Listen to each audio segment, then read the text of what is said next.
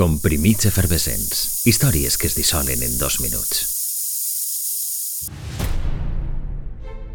Dalt ens passa com així baix, que no la volem veure, però està, i més prompte que tard haurem d'assumir la nostra responsabilitat.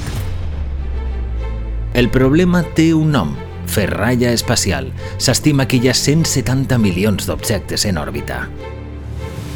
I per molt gran que siga l'espai, amb aquestes quantitats és impossible que no passe.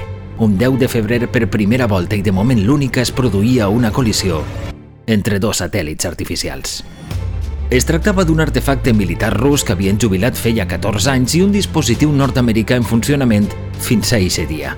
La col·lisió, que causà un fulgor visible fins i tot des de la Terra, va destrossar-los per complet no ha tornat a passar, però posar damunt la taula la necessitat de controlar i buscar una solució a tot el material que acumulem més enllà de l'atmosfera des de fa 60 anys. Hi ha de tot, des d'objectes del tamany d'un autobús fins als que no passen del centímetre, però que són com bales que poden causar destrosses molt greus. I és important buscar una solució perquè bona part del benestar d'ací baix depèn del funcionament i la seguretat del que hem llançat allà dalt. Diferents agències espacials treballen en comú per a dissenyar el camió del fem perfecte per a posar ordre, i van avançant, però a poc a poc. De moment, més d'un i més de dos han hagut de maniobrar per a esquivar algun projectil i evitar una destrossa orbital com la del 10 de febrer de 2009.